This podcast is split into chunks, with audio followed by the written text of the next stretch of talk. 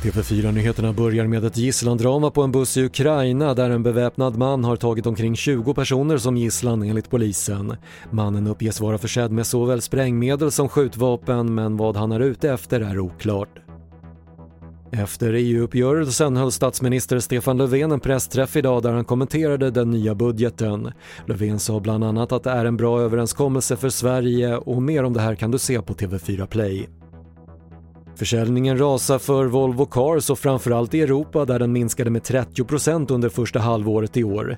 Biltillverkaren redovisar en förlust på nästan 1 miljard kronor för perioden vilket kan jämföras med en vinst på 5,5 miljard samma period förra året. Och en misstänkt vrakplundring har ägt rum utanför Öland rapporterar SR. Kustbevakningen ska ha beslagtagit träföremål som misstänks komma från ett vrak på Östersjöns botten som hittades 2015 och klassas som ett fornfynd. Det var det senaste från TV4 Nyheterna. Jag heter Patrik Lindström.